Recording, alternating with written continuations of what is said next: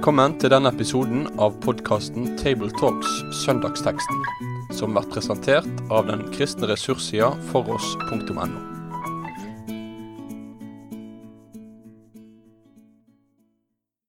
Ja, velkommen til en samling omkring eh, søndagens tekst, nemlig søndagen før pinse. Det er den teksten vi skal snakke om i dag. Og vi som sitter her, det er Asbjørn Kvalbein, Svein Granrud og meg, Egil Sjåstad. Teksten for denne søndagen er fra Jesu avskjedstale. Og den finner vi da med fyldig innhold i Johannesevangeliet i kapittel 14 til 16. Hvis vi ikke også regner med kapittel 13, der det begynner, og kapittel 17, som er en avsluttende bønn da, på hele dette avsnittet. Og vi skal lese i Jesu navn fra kapittel 15, de to siste versene. Så her har predikanten ikke en lang tekst, men en stor tekst. Når talsmannen kommer, han som jeg skal sende dere fra Faderen, sannhetens ånd, som utgår fra Faderen, da skal han vitne om meg. Men også dere skal vitne, for dere har vært med meg fra begynnelsen. Ja, her er det noen veldig store begreper, da. Og Det ene det er talsmannen. Det må vi stanse litt for i starten av denne samtalen. Eh, det er et begrep som brukes fem ganger i Johannes-evangeliet om Den hellige ånd. Også det begrepet sannhetens ånd, som presiserer talsmannen. Og vi skjønner at dette er viktig, og kanskje veldig viktig nå for oss, like før pinse, å ha klart for oss hva som Åndens oppgave og gjerning og person er. Og da må vi prate litt sammen her rundt bordet. Svein, har du preika over denne teksten? Det har jeg nok noen ganger, ja. Og det er litt viktig for meg å minne meg sjøl og også tilhørerne på at her er vi, som du nettopp sa, vi er inne i Jesu avskjedstale. Så selv om vi ikke skal gripe tilbake til eh, den begivenheten sånn historisk sett, da, for det er jo pinse som er i fokus nå, så, så har jeg prøvd å gjøre et pedagogisk poeng av at eh, Jeg håper det holder, da, men det er i hvert fall sånn jeg tenker. At når Jesus er sammen med disiplene siste kvelden, før han vet at tre års uh, tett samvær skal avløses av en ny fase, da tenker jeg at da er det ikke tilfeldig hva han snakker om. Da, da tar han det som er viktigst, og som de trenger å høre. Og både her og tre-fire andre steder så snakker han om Den hellige ånd, om talsmannen, som du mm. nettopp sa. Så jeg tenker at dette må ligge Jesus veldig på hjertet. At dette med Den hellige ånd, som kommer og på en måte skal ikke overta for Jesus, men allikevel ha en funksjon som blir spesiell når Jesus går inn i en annen relasjon til dem, at det er veldig viktig. Mm. Og så har jeg av og til hatt behov for bare ta det også, hatt behov for å hjelpe noen som er blitt veldig opptatt av Den hellige ånd. Og det er jo flott at folk er. Men så hender det at det blir et fokus på ånden som kanskje kan bli kanskje litt på siden av hva som jeg tror Bibelen er mest opptatt av, eller iallfall hva som er det sentrale. Så jeg har prøvd å si til folk at begynn med det som står i Johannes-evangeliet om Jesus, som Jesus sier om ånden. For der tenker jeg der sier han det viktigste, og så mhm. går du fra det og over til det andre. Da tror jeg du følger den pedagogiske måten i Bibelen å bli kjent med Den hellige ånd på. Begynn med det Jesus sier, og så tar du det andre deretter. Da tror jeg du får en god rekkefølge på informasjon om Den hellige ånd. Det må være en god rekkefølge. Asbjørn? Jeg får lyst til å tenke på et enda mer pedagogisk bilde, enkelt som det er. Hvis du tenker deg noen små barn som sitter på gulvet og merker at mor og far tar på seg yttertøyet, så stiller de spørsmålet hva, hva skal dere? Skal dere gå? Ja, vi skal det. Får vi være med? Nei, ikke nå. Ja, hvem skal være hos oss, da? sier barna. Ja, og da får vi svaret. Altså, Jesus skulle dra. Får vi være med? Nei, ikke nå, men jeg har gjort i stand en bolig for dere, med mange rom. Ja, hva skjer? Hvem skal være hos oss? Den hellige ånd. Altså, der kommer Den hellige ånd som den store trøster, mm. og som bringer Jesus som nærvær. Eh, så det syns jeg er nesten det flotteste ved det. Mm. Han er trøsteren, men han er også advokaten, parakleten, den tilkalte, og han er så veldig mye fint, eh, ånden. Eh, sannhetens ånd osv. Men alt får vi ved at han opplyser Jesus, som jo innebærer alle disse store sannhetene. Det bildet du hadde der, det er jo veldig velegna for alle aldre, da. Jeg tenker ofte på hvordan det er å si noen ting om dette på en leir. Og nå skal jeg merke meg det bildet du brukte der om han som skulle forlate dem og komme igjen etter hvert. Det var veldig fint. Talsmannen, det er jo eh, ikke tilfeldig at det er oversatt sånn heller, da, selv om det er vanskelig å oversette begrepet, for det betyr flere ting, som du sa. Hjelper, trøster, forsvarer. Um, men talsmann det er jo en som taler en annen sin sak. Jeg la oss i studietida, husker jeg, jeg glemmer det aldri. da. Det er ofte det en leser som ung, det er noen enkelte ting som fester seg. Og jeg har en liten bok av Ludvig Hope med sånne små prekensamlinger, andakter. Og der var overskriften 'Talsmannen i himmelen, talsmannen på jorden'. Og talsmannen i himmelen, det var Jesus sjøl. Han som her sa at han skulle sende en annen talsmann. For i 1. Johannes brev så sier Johannes at vi har en talsmann i himmelen, Jesus Kristus den rettferdige, og han er. Så han taler vår sak i himmelen, og så taler Ånden Guds sak på jorden. Og Guds store sak, det er Jesus, da, som vi ser her. Var ikke det ålreit, Svein? Dette her blir jo stadig bedre og bedre. Det er, eh, det er min opplevelse at når de får disse tekstene fra Jesu avskjedstale om ånden, så har vi tross korte tekster, vi har nesten mer å bære fram enn det en vanlig preken gir, eh, gir plass for. Eh, Jeg har jo opplevd, som sikkert også dere, at det er litt sånn, ikke forvirring, men litt usikkerhet om hva som er åndens viktigste oppgave. og ikke minst så har noen til tider spurt har jeg Den hellige ånd, og ikke minst kunne jeg få mer av han, for det skulle jeg gjerne hatt, for jeg syns jeg er litt åndsfattig, så om jeg kunne få litt påfyll av ånden og sånn. Så da har jo vi som forkynnere en utfordring, tenker jeg, i å hjelpe folk til å se at Hellige Ånd er en person. Han omtales som en han. Han er ikke et stoff. Han er ikke bensin på tanken, så når tom tank kan etterfylles. Men han er en person som lik Jesus tar bolig hos meg. Og det har jeg nok veldig behov for å hjelpe folk med. Ikke tenk han som en porsjon, men som en person.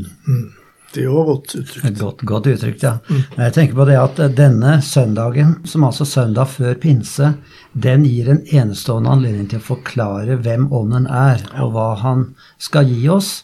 Fordi at pinsedagen, det er jo mer en dramatisk søndag som skal handle om hendelsen, starten, den store åndsutgytelsen.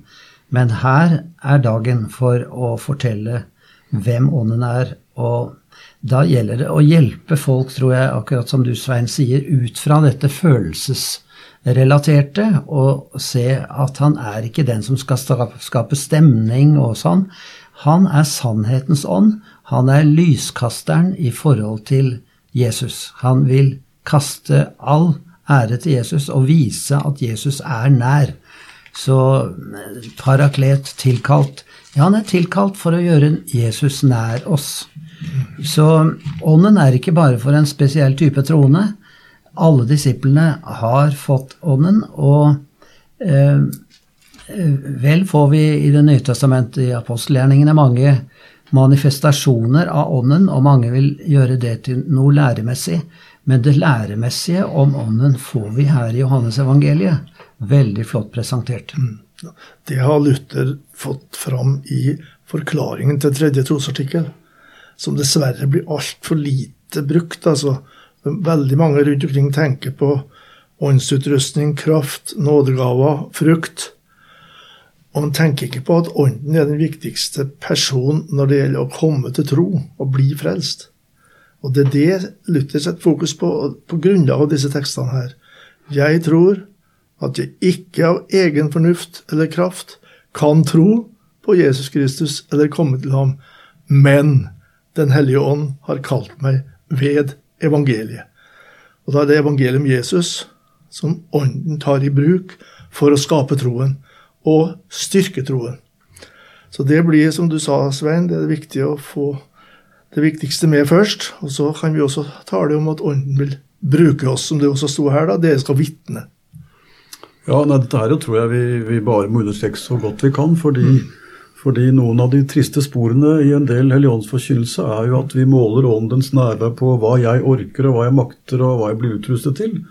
Og da kan det hende vi taler om viktige ting på en feil måte, og så blir tyngdepunktet litt feil. Da blir det ikke evangelium, men da blir det det som jeg får til. Så hvis vi ser på disse stedene her i Jesu avskjedstale, så er de gjennomgående fokusert på at ånden løfter fram Jesus. I slutten av kapittel 14, 26, han minner om det jeg har sagt. Her står det at han tar av mitt og gir videre til dere. Han vitner, deres, også dere skal vitne. Og i slutten av kapittel, eller midt i kapittel 16, vers 14, så står det han skal herliggjøre meg, for han skal ta av det som er mitt, og forkynne det for dere. Så det gjennomgående er at åndens viktigste kjennetegn er at Jesus blir fokusert. Så jeg har sagt til folk at du må ikke måle eller teste åndsnærværet i ditt liv på hvor mye åndskraft du kjenner. Men hvis du har tro på Jesus og vet at han er den som du må sette all din lit til, da er det det sikreste kjennetegn på at ånden er der. Det sikreste spor etter ånden det er at Jesus blir synlig, og at det er han vi lytter til. Og ingen kan tro på Jesus uten at Den hellige ånd gjør det, sier Paulus i 1. Korinterbrev 12,3. Ingen kan vel si Jesus er Herre uten Den hellige ånd. Så jeg tenker her må vi begynne, og så må vi snakke om det andre, for da blir tyngdepunktet rett. Bare en liten kommentar til det uttrykket 'sannhetens ånd'. For det er jo i disse kapitlene Jesus sier 'Jeg er veien, sannheten og livet'. Ja, det er jo kapittel Ja, Flott at du tar med det. Veldig bra. 14 og andre plasser der han kalles sannheten. Sannhetens ord, sannheten er Jesus, og når sannhetens ånd, så blir naturligvis frelsesbudskapet knytta til Jesus, sannheten, som ånden uh, forklarer for oss. Ja, Han skal veilede dem til den fulle sannhet, sier Jesus. Ja. Vi har jo vokst opp i en veldig subjektivistisk kultur, vi. Århundrene, nå kan vi si først siste 100-200 år, har vært veldig fokusert på enkeltmennesket, det religiøse mennesket. Hvis vi hopper litt lenger tilbake i tiden, så ser vi også mye mer klart hva Den hellige ånd er i kirkens oppfatning av dette. Jeg tenker da på visse salmer. Jeg skulle ha hatt det med meg her for å sitere, men jeg kan minne om for dere som vil sette dere inn i det. Kom Hellig ånd med skapermakt, f.eks. En gammel salme som sier noe om åndens virkning objektivt. Og det skal ei skje ved kraft og makt er en annen gammel salme, men ved din ånd som du har sagt. Og så har vi den gamle salmen Sannhetstolk og taler. Disse tre salmene gir oss et helt annet perspektiv enn dette som du er inne på, Svein, dette påfyllbildet av et kraftstoff. Her er det en, en sterk person i guddommen som er virksom sammen med Faderen og Sønnen, og de kaster lys over hverandre og gir oss en fylde som vi ikke må gå glipp av. En salme som ligger kanskje i mellomsjiktet mellom det subjektive og det objektive, det er 'Ånd fra himmelen kom med nåde'. Det var veldig hyppig brukt da i min oppvekst. Og det uttrykket som ikke lenger står nå, men som jeg husker, 'gjør oss vis til salighet'. Ja. Gjør oss vis til salighet. Det, her, det har ligget med meg, vært med meg hele tida. Og det er noe av Åndens gjerning, at han gjør budskapet om Jesus personlig, sånn at jeg får del i det. Vi får visdom til salighet. altså det vil si vi får del i det som gjør at vi blir frelst, da, kommer til tro. Det er sannhetens ånd. Nei, Jeg tror vi må hjelpe folk her med den enkle regel om at faktorenes orden er ikke helt likegyldig. Det gjelder ikke bare i matematikken, det gjelder litt i teologien også. Skal jeg, og det lengter jeg jo etter, som sikkert alle kristne, oppleve åndens gjerning i mitt liv og kunne tjene og til og med tro at jeg har en nådegave, så må jeg ikke begynne etter å strekke meg etter å vise at jeg har det. Da må jeg begynne der hvor Jesus lærer oss å begynne, nemlig ved å lytte til hvordan ånden peker på Jesus. At det er det han sier som jeg lytter til, at Jesus blir tydelig, at ånden fører Jesus stor. Det er grunnsatsen, det er der det begynner. Og hvis jeg har fokus på det, så fortsetter ånden med, med de andre tjenestene, og det har med troens både vandring og lydighet å gjøre. Men jeg tenker det er alltid viktig også å komme tilbake til utgangspunktet. Så må vi ikke stoppe der. For da kan vi hente Paulus og andre inn som taler om utrustning og nådegaver. Men for Paulus er det ikke noe tvil om at det har utgangspunkt i at ånden gjør Jesus stor. Det er et uttrykk jeg merker meg her, da, som eh, blir en tankevekker, og som enkelte som er forberedt for de kommer og hører den teksten her, da, at de hører om den, at de kanskje vil ha som et spørsmål, da. Eh, fordi at eh, det, det står han skal vitne, men også dere skal vitne, for dere har vært med meg fra begynnelsen. Altså Det er et fokus på apostlene i disse tekstene om ånden som talsmannen. Det ser vi også i kapittel 14. Han skal minne dere om alt det jeg har sagt dere. Så det er, jeg ser for meg en, en sirkel omkring Jesus der du har apostlene først, og så oss. Fordi at eh, det gir ikke mening å si at Ånden skal minne oss om det han har sagt fra begynnelsen. Det er det som kommer til oss gjennom apostlene. I ortodoksien så har de en skjelning her mellom den inspirasjonen som apostlene fikk, altså det vil si den åndsmeddelelsen de fikk, som gjorde at de kunne forkynne med autoritet. Også den åndsmeddelelsen vi får. For de taler om inspirasjon når det gjaldt apostlene, og illuminasjon når det gjaldt oss. Altså, vi opplyses ved Ånden. Og så virker Ånden også gjennom oss. Alt det som det står at Ånden skal virke. Men det går via apostelkretsen først. Han skal lære dere og minne dere om alt jeg har sagt dere, og veilede dere til hele sannheten. Og så får vi dette. Og da kan vi stå på prekestolen og si at dette får vi gjennom Det nye testamentet. Så da knytter Ånden seg til ordet. Jeg har tenkt på det du nevner her med apostlenes tidlige vitnesbyrd. Det første brevet Paulus skrev, var antagelig første Tesalonikerbrev. Og der gir han jo en slags troshistorie eh, til de kristne i Tessalonika og forteller.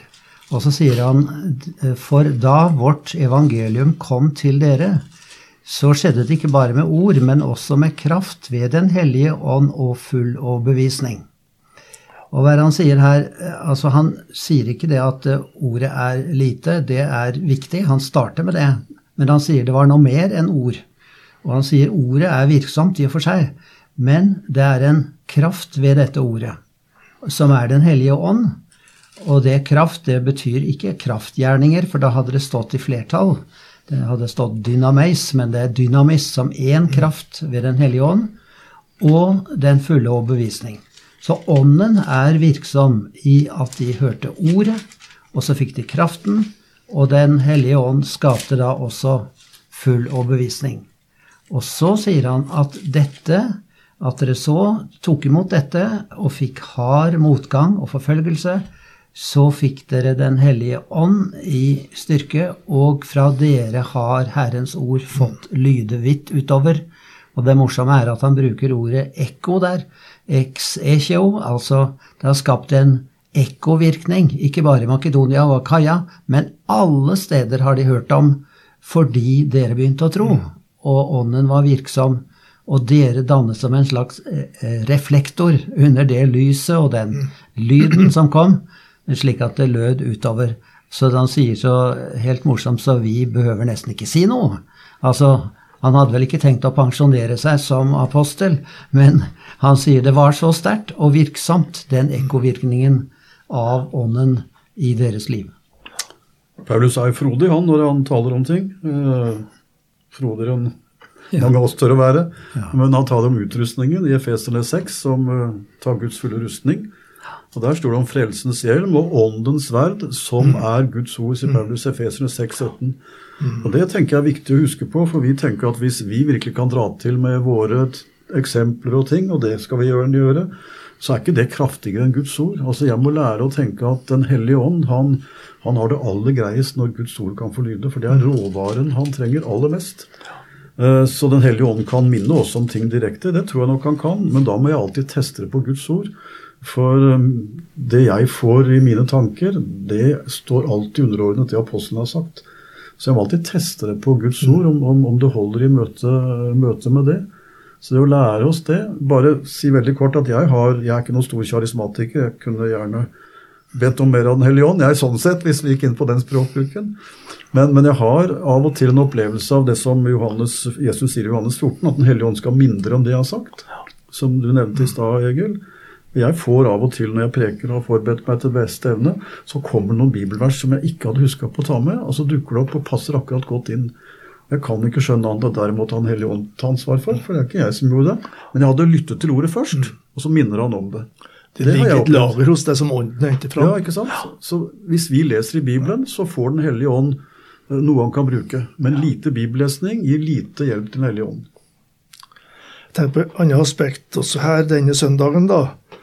Når Ånden skal komme, så er det Gud sjøl og Jesus som kommer for å bo hos oss. Og, og den begrepsbruken 'Guds bolig', som Ånden bygger, den er sentral, ikke kanskje spesifikt i avskjedstalen, men i apostelbrevet. Jeg har fra Efeserbrevet 2. Der er det naturligvis Jesus Kristus, hjørnesteinen. I ham blir hele bygningen føyd sammen og vokser til et hellig tempel i Herren.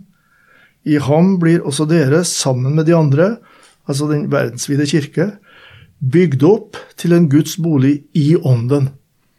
Så Der har ånden en funksjon i å bygge den boligen, bygge oss sammen som kristne, lokale fellesskap og den kristne kirke i hele verden. Det er et aspekt som kommer til uttrykk i Luthers forklaring også, da, at han, han samler den kristne menighet. Ånden samler oss. Det er en utfordring i koronatider. da, Vi blir samla foran en dataskjerm. Men, men eh, Ånden ønsker å samle oss sånn at vi i fellesskap gir det samme vitnesbyrd om Jesus som, som apostlene ga. Ja, og da er vi over på dette verset med at også dere skal være vitner, for dere har vært hos meg fra begynnelsen av. Altså Det går jo selvsagt på apostlene som var sammen med han. Men det går jo også på oss som har møtt Jesus i troen og livet og dåpen. Vi skal vitne på vår måte, for vi har jo vært sammen med Jesus, vi også. Og hvordan kan vi da vitne? Jeg glemmer ikke misjonssekretær Gabriel Eikli, som ved flere anledninger sa når han skulle fortelle fra misjonen, så sa han 'Jeg beundrer Den hellige ånd', sa han så ofte. Og hva var det innledningen til? Jo, det var å fortelle hvordan mennesker ble dratt til Jesus på så underlige måter, og hvordan de vitnet med enkle vitnesbyrd som satte en ild i brann hos folk. Jeg beundrer Den hellige ånd, altså, som kan være så kreativ med å nå mennesker og bruke så skrøpelige kar. Jeg har nettopp tenkt også på denne misjonæren Gladys Aylward, en enkel, lite skoleflink jente som var hushjelp, men som brant for å bli kinamisjonær, og som dro ut og sa 'jeg var jo slett ikke Guds førstevalg'. Det må jo være en eller annen som ikke var villig. Men da Gud så på jorden, så sa han ja vel, så kan jeg vel bruke Gladys når den som ikke vil, gå, ikke går. Så dermed så, så Som Guds andrevalg så fikk hun stor betydning. Da ligger det misjon i denne teksten her. Jeg har av og til sagt til folk, fordi jeg kjenner meg igjen i dem som gjerne skulle merke mer av ånden. Og så har jeg jo lært gjennom det vi har snakket om nå, disse tekstene, at Den hellige ånd han er aller mest knyttet til Guds ord. For det er da Den hellige ånd kan få peke på Jesus, og det er det som også gjør at Den hellige ånd kan utruste meg til tjeneste. Så her må vi begynne i rett rekkefølge. Begynne med ordet om Jesus. Så jeg har av og til sagt til folk at hvis du lengter etter Den hellige ånd, så må du ikke gjøre som ingen andre gjør, nemlig tilkalle en god snekker for å pusse opp stua di. Og så når han kommer, så tar du verktøykassa hans og setter igjen i bilen, og så sier 'velkommen inn, så får jeg se hva du kan få til'. Å være en som lengter etter Den hellige ånds gjerning, men ikke bruker Bibelen og leser i Bibelen, det er som å invitere en håndverker og la han la verktøykassa stå igjen. Han får ikke gjort noe da. Den hellige ånd trenger til at jeg bruker Guds ord. Og det er en god melding. Det er ikke et pålegg, men det er en gave. En gave. Da tror jeg vi skal runde av. Jeg kom på ei bok jeg, som jeg vil anbefale for de som ønsker å sette seg mer inn i dette her. da. Noen av dere som hører på, som er forkynnere og har vært det i mange år, de har den helt sikkert i hylla. Den er utgitt på Lunde forlag og heter 'Ånden i ordet' av Roder Tormod Engelsviken. Mm. Jeg tror ikke jeg vet om noen bok som på en så klargjørende måte har tatt fram alle tekstene om Ånden og, og satt dem i et godt perspektiv. Og tittelen 'Ånden i ordet' knytter Guds ord og Ånden sammen. Det får vi håpe skjer også på søndagen. Godt mot, du som skal preke Guds ord. Med det sier vi takk for følget for denne gang. Finn flere ressurser, og vær gjerne med å støtte oss på foross.no.